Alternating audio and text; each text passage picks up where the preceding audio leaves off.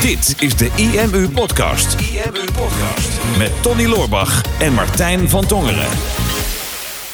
Ik weet niet hoe het met jou zit, Tony, maar het lijkt wel alsof de laatste tijd er veel meer mensen met een webshop ons zijn gaan volgen. Heb jij dat ook? Ons zijn gaan volgen met een webshop? Ja. Nee, weet ik Me- niet. steeds meer mensen die contact doen. Ik krijg de laatste tijd krijg ik veel meer vragen van mensen met een webshop dan mensen die alleen maar een website hebben of een dienstverlener zijn. Ja, weet niet. Misschien is dat populair. Dat er steeds meer mensen nu een webshop starten. Ja, Wij hebben natuurlijk heel lang ehm eh, informatiemarketeers en coaches die ons met name volgden. Ja. Want, want je trekt een beetje aan wat je zelf ook doet.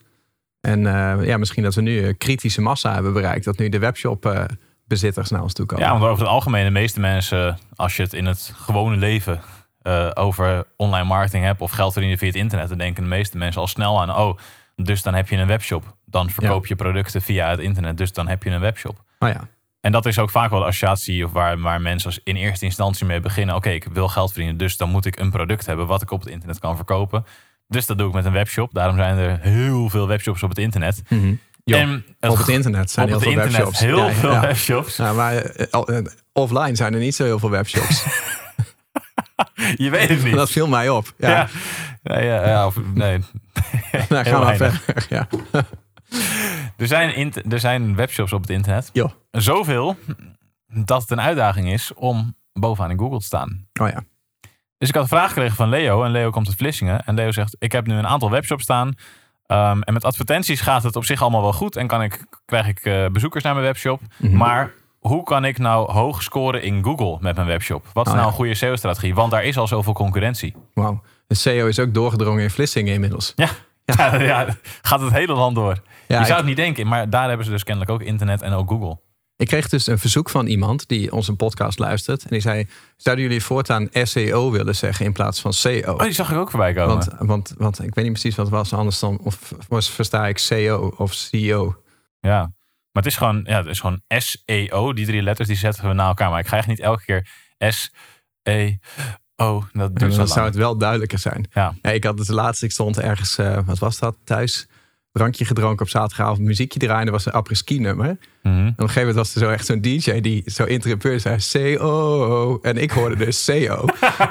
en ik dacht van, misschien werk ik te hard. Dat ik daar CO in hoor. Dat denk ik wel, ja. Dus ik denk zodra, als het nou zover komt dat YouTube straks gaat herkennen wat wij zeggen. Mhm. En, en daar ook gewoon op de woorden gaat letten. Dan denk ik dat omdat we nu zo vaak SEO hebben gezegd. gaan dat we als je straks op. SEO gaat zoeken. Dat wij dan bovenaan staan met deze video. Ja, keywordstuffing is dat. Dus als we tijdens deze video ook af en toe ineens SEO, S-E-O, zoekmachine optimalisatie Ja. zeggen. Of het werkt Dan werkt onbewust. Dat mensen nu deze podcast zitten luisteren op de fiets. Iedere keer als wij zeggen SEO. Dan denkt iemand dat hij O moet zeggen. De Engelsen in ieder geval wel, Precies, ja. Goed, gaan we, nou, laten we het over SEO voor webshops hebben. Dan. Ja, want in het Nederlands wil je het ook niet zeggen. Dan zeg je SMO. Ja, zoek, ja zoekmachine optimalisatie. Wat ook niet klopt, want zoekmachine optimalisatie zou betekenen dat wij de zoekmachine aan het optimaliseren zijn. En dat is eigenlijk het werk van Google. Ja, het is eigenlijk, je optimaliseert je website voor de zoekmachine. Ja, klopt. Ja, maar dat is heel lang. Ja. Maar goed, dus, maar dus voor een webshop, ehm, ja, dat is, dat is wat anders. Hè? Want ehm, wij hebben natuurlijk eh, binnen in Google hebben we al heel lang en daar staan allemaal strategieën in. Ehm, en die vraag krijgen we eigenlijk best wel vaak van ja, maar ik heb een webshop, dus, dus dit werkt niet voor mij. Eh, en daar zit ergens wel een kern van waarheid in, want wij leren natuurlijk heel erg hoe je content optimaliseert. Dus eh, hoe je keywords toevoegt, eh, hoe je blog schrijft, hoe je met rijke content werkt. Hè? Video's toevoegen, plaatjes toevoegen, dat soort dingen. En wij zijn natuurlijk eh, beroemd en berucht vanwege onze interne linkstrategie. Mhm. Maar dat is heel goed voor je SEO, hè? als al je artikelen naar elkaar linken.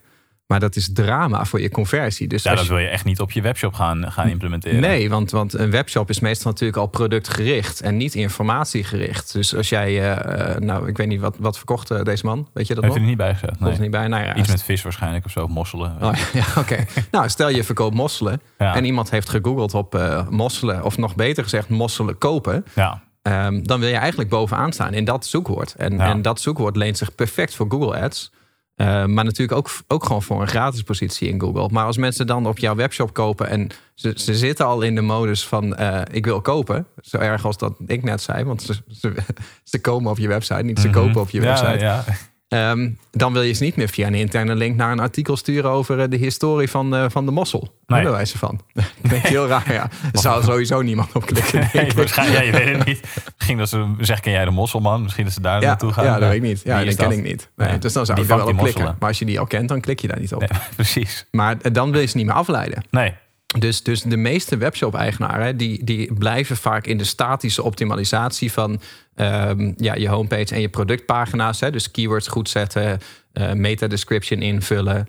Um, zorgen dat je niet al te veel dubbele content hebt. Hè. Dus als je nou uh, bijvoorbeeld je verkoopt uh, petten, ik noem maar iets. En je hebt er één pet heb je in zes kleuren. Dan heb je misschien ook wel zes pagina's op je webshop die eigenlijk hetzelfde zijn, alleen de kleuren steeds anders. Mhm. En als je dat allemaal laat indexeren door Google, ja, dan is dat, dan is dat dubbel. Hè? Dus het zijn vaak die technische dingen dat je zegt van nou, daar, we halen die dubbele content eruit, we optimaliseren goed. En als dan alles strak staat, uh, dan is meestal de volgende stap om met backlinks te gaan werken. Ja. Hè? Dus populairder worden. Terwijl uh, wij zijn natuurlijk heel erg van, ja, van de andere kant, wil ik zeggen. Van de andere kant van, van SEO. van de andere kant. Uh, nee, nee we, we, zijn er geen, geen NSB'ers, hè, wat dat filmpje nee, wat je wat verkeerd nee. kan. Maar, um, nee, maar wij zijn heel erg van die contentstrategie. Ja. En, en dat, dat moet je eigenlijk toevoegen aan je webshop. Ja, want je hebt, je hebt zoekmachine optimalisatie, dat, dat gaat om on-page SEO en off-page SEO. Ik ga, blijf toch gewoon SEO zeggen. Ja, ja, doe maar. En uh, ja, dat gaat om relevantie voor de bezoeker en om populariteit. En populariteit, dat kan je zien in de vorm van backlinks en de vorm van uh, vernoeming op social media. En on-page is alle optimalisatie die je dus op je webshop zelf doet. Alleen een webshop kan je ook maar tot zover optimaliseren. Mhm. Mm -hmm. Want ja, je kan ook wel gevonden willen worden op mensen die ooit misschien interesse zouden kunnen hebben in jouw product. Alleen ja, als je op die webshop wil je eigenlijk maar één ding doen. En dat is een koopomgeving creëren. Zodat wanneer de mensen die koopgericht zijn, mm -hmm. dat die ook in een hele makkelijke, goed converterende koopomgeving komen. Dus dat er geen afleiding is, dat er geen social media knoppen zijn, dat er inderdaad geen interne links zijn, dat er maar één logische mm -hmm. stap is. En dat is dat iemand op de koopknop klikt in die webshop. En dat is ook waar webshop software natuurlijk voor gebouwd is. Hè? Het zorgen dat het voorraadbeheer klopt. Zorgen dat alle betaalkoppelingen kloppen. Daar is die hele techniek voor gemaakt. Mm -hmm. Want technische SEO is natuurlijk ook een aspect. En dat is waar de meeste webshop systemen niet voor gebouwd zijn. Mm -hmm. Die zijn inderdaad goed in die statische optimalisatie. Maar die gaan niet verder dan dat. En ondertussen is de vraag naar um, content toevoegen aan je webshop wordt steeds groter. Omdat steeds meer mensen inzien van oké, okay, het is belangrijk om met content marketing te gaan werken. Want met content marketing kun je meer posities in Google veroveren. Mm -hmm. um, kun je een grotere autoriteit worden in Google. Waardoor je op verschillende plekken bezoekers kan krijgen die je daarna door kan sturen naar die koopomgeving. Alleen vaak is het bloggedeelte van een webshop systeem zo verschrikkelijk ruk mm -hmm. dat je daar ook niet per se mee gaat ranken. Nee. Dus daarom is het advies wat wij eigenlijk meestal geven, is zie je webshop als een echt een koopomgeving. En natuurlijk wil je die optimaliseren. Dus inderdaad op een term als mosselen kopen, Mhm. mm wil je je mosselshop uh, optimaliseren. Alleen ja, misschien zijn er wel honderd andere webshops die daar ook op optimaliseren. Mm -hmm. En dan wordt het een spelletje van ja, wie is het populairst? Ja. Wie um, heeft de beste techniek en wie is het populairst? Wie heeft de meeste backlinks? En als, als daarbij blijft, ja, je kan, niet, je kan wel backlinks gaan kopen, maar dat werkt ook niet. Dus je moet ervoor zorgen dat je dan vanuit een waardevolle plek de juiste links gaat krijgen. Ja, maar het, het is eigenlijk gewoon het scheiden van, uh, van je informatieomgeving en je verkoopomgeving. Hè? Dus, dus die bezoekers die echt naar jou op zoek zijn. Ja, Mossel is een mooi voorbeeld, maar um, kijk, een, een, mooi voorbeeld van, van de kracht van content marketing. We hebben dat ook in onze masterclass gedeeld. Um, dat is het verhaal van de gebroeders Michelin, hè? Die, uh, die je kent van de autobanden en van de fietsbanden. En toen zij begonnen, uh, toen ze alleen maar fietsbanden verkochten, Um, uh, en, en, later trouwens ook autobanden. Toen merkten ze van ja, in principe doen we het heel goed. Onze klanten zijn heel tevreden. Maar ja, we verkopen autobanden. Maar er zijn echt maar, waren iets van 3000 mensen op dat moment in Frankrijk die überhaupt een auto hadden. Dus ze hadden een hele kleine markt. En de mensen die bewust op zoek zijn naar autobanden, die komen wel bij jou uit. En, en die kopen wel. Dus dat is eigenlijk je, je primaire focus. Dat je die bereikt en dat je die converteert. En die wil je niet meer afleiden met, met informatie, met interne links en social media en dat soort dingen. Maar zij dachten toen van oké, nu gaan we content marketing toevoegen. Dus ze schreven dan de Michelin-gids. Um, en dat was gewoon een, een, een boekje met, met routes en, en dat soort dingen. Waarvan, um, ja, als je een auto zou hebben, wat voor autovakanties je zou kunnen hebben. En daarmee zetten ze eigenlijk op dat moment, want het was het jaar 1900 dat ze het uitbrachten, zetten ze eigenlijk de bevolking aan het denken van ja, als jij nou een auto zou hebben, dan zou je met deze routes zou een hele leuke vakantie kunnen hebben. En daarmee creëer je als het ware markt uh, bij mensen die helemaal niet naar jouw product op zoek waren. En dat, dat is nu eigenlijk nog steeds. Hè? Dus je wil nog steeds die webshop focussen op mensen die jou zoeken. En dan kan je inderdaad maar tot een bepaald punt gaan. Uh, met statische optimalisatie en met backlinks. En uh, je techniek goed op orde houden en, en, uh, en dat soort zaken. Um, en dan wordt het zaak dat je vervolgens gaat kijken van hoe kan ik mijn markt verbreden en de mensen gaan aantrekken die niet naar mijn product op zoek zijn, maar die wel daar, daaronder vallen. Nou, en dan heb je bijvoorbeeld zoiets als, nou, uh, niet mosselen kopen, maar um, bijvoorbeeld een zoekopdracht, waar kan ik de beste mosselen kopen? Dat is heel iets anders dan mosselen kopen. Het is Ja. een, dat is een oriënterende bezoeker ten opzichte van een koopgerichte bezoeker. En uh, een zoekopdracht als waar kan ik de beste mosselen kopen, um, is niet logisch dat die direct in een webshop belandt. Want, want je bent aan het afvragen van waar zou dat het beste zijn. Dus de dikke kans dat je die webshop verlaat en dat je in andere webshops ook gaat kijken, dat je zelf gaat vergelijken. Dus het zou logischer zijn om die bezoekers te vangen op een artikel waar je verschillende uh, uh, aanbieders met elkaar vergelijkt. En dat uiteindelijk de conclusie die eruit komt, dat dat doorlenkt naar jouw webshop. Dat je bijvoorbeeld uitlegt waarom jij de beste bent. en dat mensen dan vervolgens gaan kopen. Dus je wil eigenlijk je, je, je verkoopomgeving en je informatieomgeving lostrekken. Dus een, een website met een contentstrategie en een webshop om te betalen. En ook niet op dezelfde plek. Dus, dus niet in je webshop een menu, menu met een knop uh, blog. Want dan gaan mensen daarop klikken en dan zijn ze weer uit de verkoopomgeving. Ja, precies. Dus, dus, en het voordeel daarvan is dat je um, van die informatieomgeving dan eigenlijk een marketingmachine op zichzelf kan maken. Want een webshop is eigenlijk echt een salesomgeving. Ja. Webshop is gewoon puur bezoeker, verkoop, bezoeker, verkoop. En meer dan dat gebeurt daar eigenlijk niet. Maar op je informatieomgeving, als je daar echt een platform van maakt, een mosselplatform in dit geval dan. Um, als je ja, daar een platform... snel een ander voorbeeld verzinnen voor straks. ja, inderdaad.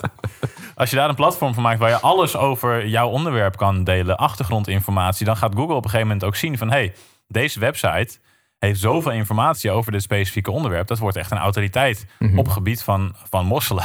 Ja, ja. dat is echt een heel slecht voorbeeld. Sorry Leo.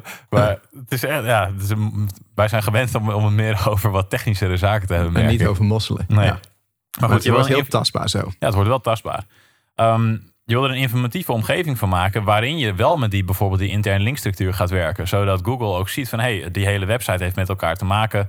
Um, alle verschillende termen die ook maar een beetje met de visserijbranche misschien te maken hebben, mm. die komen daarop voort. Dus is het logisch dat die website steeds vaker hoger gaat scoren in de zoekresultaten. Nou, dat zorgt ervoor dat Google op een gegeven moment ook de band gaat zien met jouw webshop. Wanneer jij regelmatig vanaf die website naar jouw shop linkt. Waardoor jouw webshop ook meer waarde krijgt. Door de backlinks die vanaf die website komen. Waardoor je dus met die webshop ook hoger gaat scoren. En jij kan vanaf je website. Kan je op elke relevante, meest logische plek. Kan je mensen ook weer doorsturen naar de koopomgeving. Dus door de informatieomgeving te scheiden van je koopomgeving. Wat je eigenlijk doet, is je creëert gewoon een aantal extra deuren naar je webshop toe. Ja, ja ik, ik heb dat voorbeeld ook wel eens gegeven met. Um, bijvoorbeeld als je op vakantie wil gaan. Dat is misschien nog tastbaarder dan dat je mosselen wil kopen. Want ja. wie doet dat nou online? Er zal, Ja, zal, vast wel, zal vast wel een doelgroep voor zijn. um, hè, maar dit, bijvoorbeeld als je op vakantie wil gaan. Hè, dat is nu coronatijd een beetje moeilijk. Uh, en, dat, en dat zie je bijvoorbeeld, TUI is dat ook gaan doen. Hè? Dus TUI heeft in, in zekere zin eigenlijk een webshop. Want je kan daar uh, vakanties boeken. Dus of vluchten of een hele vakantie. En, dat, en het lijkt misschien minder op een webshop. Maar net als Booking.com, dat, dat is gewoon een webshop. Dat is een koopomgeving. Hè? KLM is ook een webshop, is een koopomgeving. Um, dus als jij nu naar, naar TUI zelf gaat en je gaat een vakantie boeken... Um, dat doe je alleen maar als je al, al weet waar je naartoe wil. Dus je hebt de creditcard op het toetsenbord liggen... en je denkt, ik ga een vakantie boeken naar, uh, naar Curaçao bijvoorbeeld. Ik noem maar iets. Alleen nu in coronatijd is bijvoorbeeld heel logisch... dat mensen helemaal niet weten... waar, waar mag ik überhaupt naartoe? Uh, wat is nou in deze tijd... het is nu, nu wij dit opnemen, is het september... Um, ik zou me heel goed kunnen voorstellen dat er heel veel mensen nu zoeken naar vakantie-ideeën uh, september of uh, vakantie-ideeën corona. Hè, of waar mag ik wel naartoe? Waar gaat iedereen naartoe? Wat is beter? Dus um, ik zag TUI heeft bijvoorbeeld een blog toegevoegd naast een website.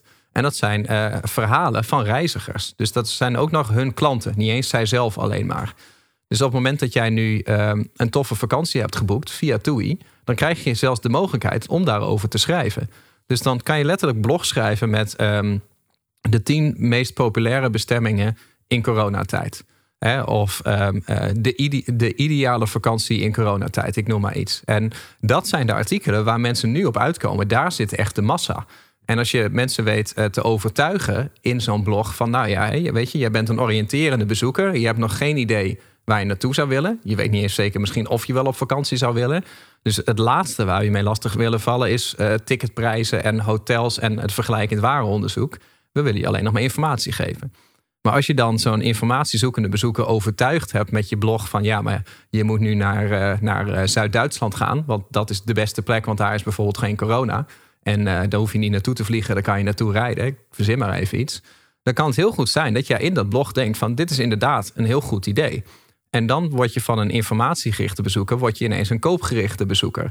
En dan ga je zoeken naar ja, hotels of accommodaties in Zuid-Duitsland. Maar op het moment dat je daarna die accommodaties zoekt, dan hoef je helemaal niks meer te weten over de geschiedenis van Duitsland en wat daar in de buurt allemaal te doen is, want dat heb je al gehad. Je wil alleen nog maar dingen zien die met die accommodatie te maken hebben. En dat, dat is echt het verschil tussen contentstrategie om mensen aan te trekken en uh, ja, verkoopomgeving om daadwerkelijk die, die conversie te gaan maken. Ja, en eigenlijk kan dit gewoon bij wat voor business je ook hebt. Het is wat ik vaak zie dat mensen een webshop hebben denken, ja, maar dat werkt niet voor mij of dat kan niet voor mij, maar ja, geef Toei als voorbeeld. IKEA heeft dat voorbeeld natuurlijk ook. Hè, dat je uh, inspiratie kan opdoen op hun, op hun community site. Waar ze mm interieur laten delen door mensen die allemaal IKEA meubels gebruiken. Um, een ander mooi voorbeeld vind ik een van onze klanten, Maaike. Zij heeft de website wijzer over de basisschool.nl. Mm um, en die is zij gestart toen ze al een webshop had. Ze had eerst alleen een webshop, aandacht voor rekenen.nl. En op die webshop verkoopt ze oefenboekjes rekenen. Mm um, voor ouders die hun kinderen willen helpen om te leren rekenen. Om beter te worden met rekenen.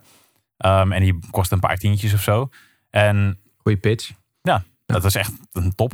Mm -hmm. En die business die, die, die liep al best wel aardig. Um, alleen zat op een gegeven moment iets van ja, ik zit een beetje aan mijn max qua optimalisatie. Mm -hmm. En toen is er een website ernaast gestart, wijzer over de basisschool. En dat is echt een extreem groot platform geworden. En grote kans als de mensen die dit luisteren of kijken, die kinderen op de basisschool hebben ooit iets gerelateerd aan rekenen en ondertussen ook taal opgezocht hebben voor een kind op de basisschool, dat ze op de website van Maaike zijn geweest. Ja, want tussen de 2 en de 300.000 bezoekers per maand, toch? Klopt. Ja, dat krijg je op je webshop niet. Dat krijg je op je webshop niet. En dat is echt insane. En dat is gegroeid. Ze gingen in, in, in, dat begon met, met een klein beetje. En ik weet nog, vier jaar geleden zelfs op 80.000 per jaar. Mm -hmm. uh, drie jaar geleden 100.000 per jaar. En nu dus inderdaad op 300.000 per jaar. Dat gaat echt als een, als een raket. En dat blijft maar groeien, omdat die website nu zo'n groot contentplatform is met allerlei informatie en tips voor uh, rekening in groep 3, rekening in groep 4, rekening in groep 5, een breuken, uh, optellen, uh, vermenigvuldigen, DT-fouten. Alles waar een kind op de basisschool mee te maken kan hebben. Mm -hmm. Allemaal tips en informatie op die website over hoe je je kind daarmee kan helpen. Mm -hmm. Nou, zij heeft dan vervolgens vanaf die website kan je kiezen of je direct doorgaat naar de shop of uh, stuurt je naar een gratis weggever waarin ze zegt: hey, wil je uh, wat extra oefenopdrachten voor je kind? Klik dan hier om dat te downloaden. Nou, dan mm -hmm. vullen mensen naam en e-mailadres in, kunnen ze dat downloaden. En dan worden ze daarna alsnog doorverwezen naar de shop van: hey, wist je dat er ook een betaald boek is? En hier heb je een mooie aanbieding daarvoor. Ja. En er zit een echt een hele korte funnel achter van één of twee e-mails volgens mij om mensen alsnog naar die shop door te sturen. Mm -hmm. um, en haar cijfers zijn vertrouwelijk, maar ik kan je vertellen, dat is echt. Dat het begint goed. Ja, maar dat is echt ongelooflijk. Dat is echt insane de business die daarachter zit. Ja. Dat, is, dat is echt, daar, zijn, daar zijn heel veel ondernemers in Nederland die zijn jaloers op, op de cijfers van haar business. Dat is echt ongelooflijk hoe, hoe groot dat is geworden. En dat is alleen gelukt omdat er zo'n kanon van een website naast is neergezet. Ja, ik dacht dat je ging zeggen alleen omdat ze met Phoenix werkt. Ja, dat, ja, dat, dat is wel... wel een beetje de doorslaggevende factor. Ja, er, ik ken, ik ken weinig het... systemen waarmee je anders 300.000 bezoekers per maand Ja, dan zou het een beetje bezigheidstherapie geweest zijn. Ja, ja. dat scoort allemaal niet. Nee, dat is zonder gekheid. Maar ik vond het wel leuk dat zij... Um, weet je, je, je hebt je kern van nou iemand die zoekt op uh, oefenboek rekenen. Of, uh, of um, echt gewoon een, een ouder die weet van ik wil mijn kind helpen rekenen. Uh, en ik heb daar de materialen niet voor, dus dat ga ik zoeken. Ja, die moet je eerst pakken.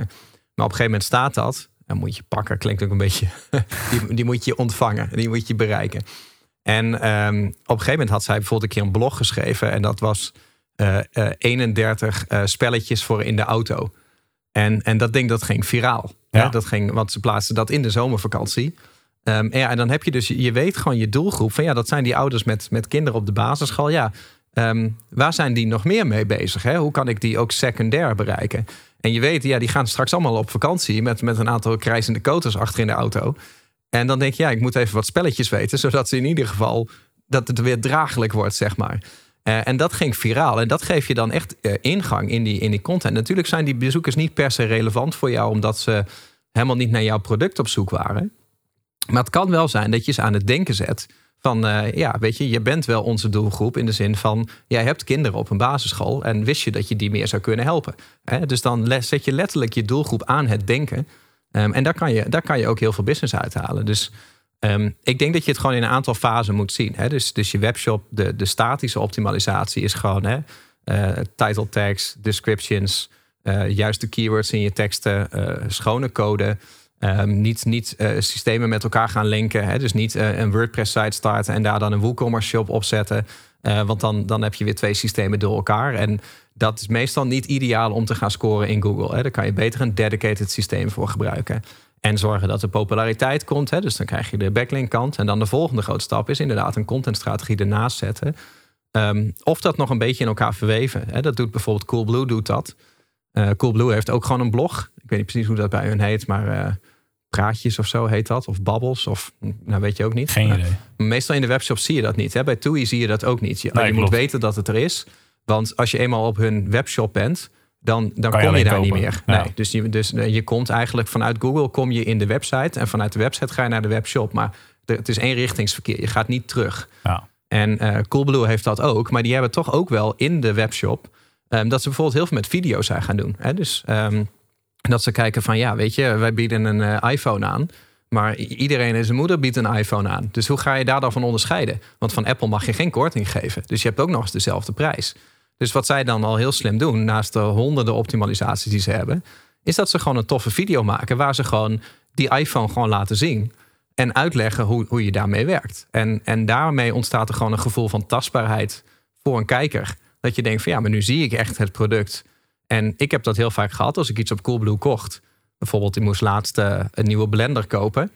Uh, vond ik ook geniaal. Stond bij blender, geen brok in je keel. Ja, vond ik top. ja, ja, copywriting kunnen ze ook wel bij uh, Ja, maar, maar ja. het toffe van Coolblue is dat zij gewoon... ze hebben die webshop goed op orde. Die hebben eerst die SEO goed gehad. Dus dat ze eerst hadden ze dan blenderkopen.nl. Dat was de eerste webshop. En die was helemaal geoptimaliseerd op blenders kopen. Later pas, toen ze iets van 120 webshops hadden, toen hebben ze er Coolblue van gemaakt, omdat ze toen al groot genoeg waren. En toen hebben ze al die domeinwaarden bij elkaar gestopt. Maar ik moest dus een blender kopen. En op een gegeven moment twijfelde ik tussen twee. Um, maar bij eentje zat een video waar ze die blender lieten zien. En daardoor kreeg ik daar veel meer vertrouwen in. Dat ik dacht van oké, dan weet ik in ieder geval zeker wat ik krijg. En die andere, ja, staan wel foto's bij. Maar ja, ja weet ik niet, is toch anders, minder tastbaar. Dus het werkt conversieverhogend, maar als ik nou op YouTube zou gaan zoeken naar wat is nou de beste blender, dan, um, dan, dan kom ik waarschijnlijk Coolblue tegen. Hè? En als ik twijfel over een blender en ik zou daarna gaan googlen van wat zijn de ervaringen met deze blender, dan kom ik waarschijnlijk ook weer Coolblue tegen. Uh, en dat is ook een hele fijne manier om gewoon je, je conversie en je SEO gewoon te verhogen. Ja, dus je wil eigenlijk gewoon zorgen dat er niet alleen um, dat je je webshop, dat die er is voor de koopgerichte bezoeker. En dat je ook vervolgens informatie toevoegt voor de meer georiënteerde bezoeker. Ja. Die, nog, die nog op zoek is naar informatie omtrent jouw product. Of wat misschien op een bepaalde mate relevant zou kunnen zijn aan je product. Ja. En ik weet zeker dat een aantal mensen aan die deze podcast luisteren of deze video kijken denken. WordPress met WooCommerce? Maar mijn webshop die staat op WooCommerce. Mag dat niet? Wat is ja. dat dan slecht? In principe is WooCommerce een soort van hack op WordPress. Ja. Om er een webshop van te maken. Dus dat kan wel. Als je er 100% voor zorgt dat die volledige omgeving sales georiënteerd is. Mm -hmm. Maar je moet niet datzelfde systeem gaan gebruiken om daar dan ook je SEO en je blogs, et cetera, door te dan, dan wordt het echt een hek op een hek. En dan kan je garanderen dat het dan een keer op elkaar, uit elkaar gaat vallen. Ja, dat kan je beter niet doen. Ja, want volgens mij meer dan 70% van alle websites wereldwijd draait op WordPress. Klopt. En, en daarna, zeg maar, vanaf de nummer 2 tot de nummer 1000, zeg maar, zijn het, zijn het minder bekende systemen. Dus dat is, dat is best wel insane. Um, om het maar even in zijn Nederlands te zeggen.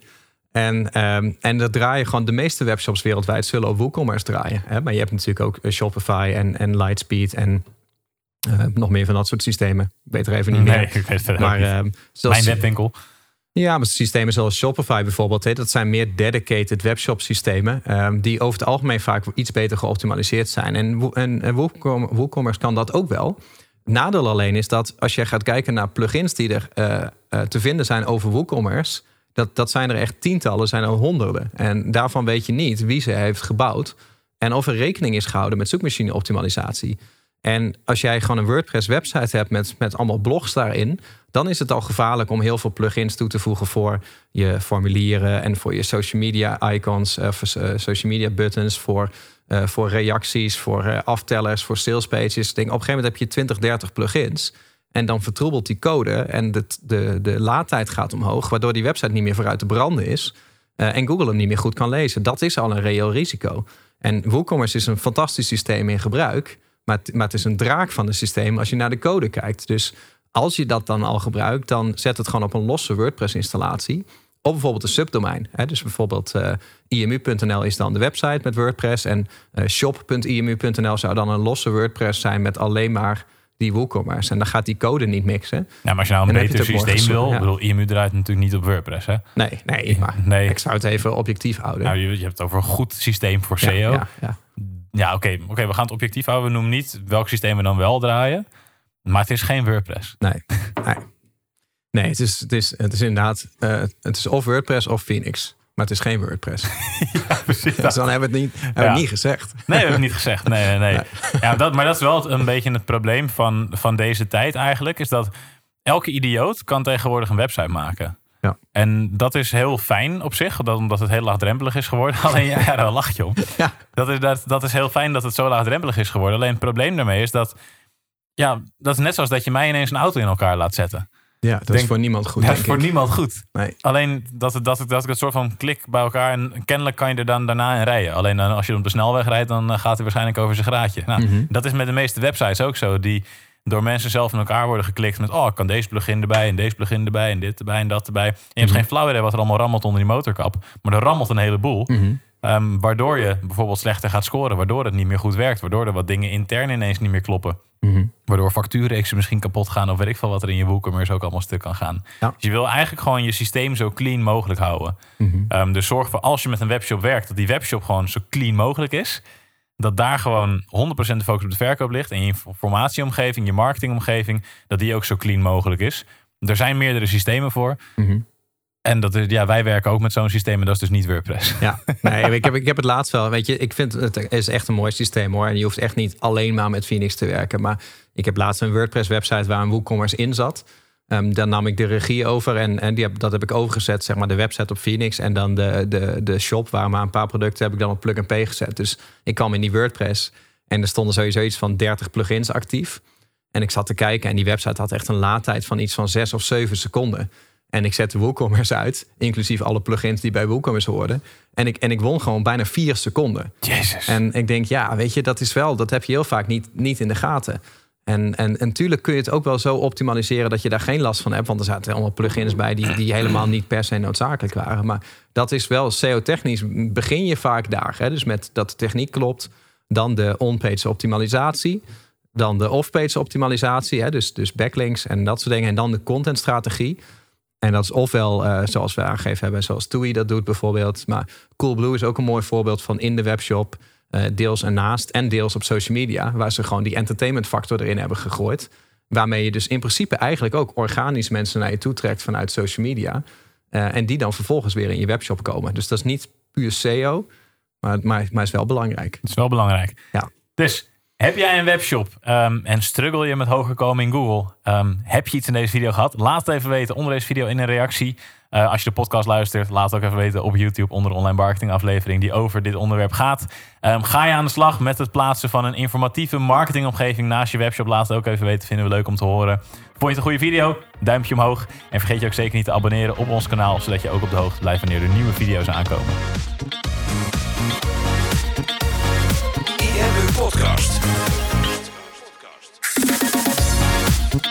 Super tof dat je hebt geluisterd naar de IMU podcast. Ik hoop dat je dit waardevol vond en dat je er inzichten uit hebt kunnen halen voor jezelf en voor je eigen business.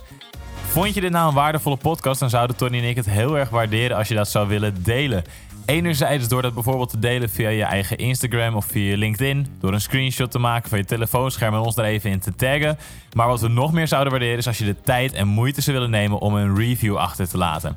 Werk je met een Apple-telefoon, dan kan je dat doen binnen je eigen podcast-app door daar een review te geven. Geef ons een x-aantal sterren met daarbij een korte motivatie wat je van onze podcast vindt. Zouden we echt enorm waarderen als je die tijd zou willen nemen.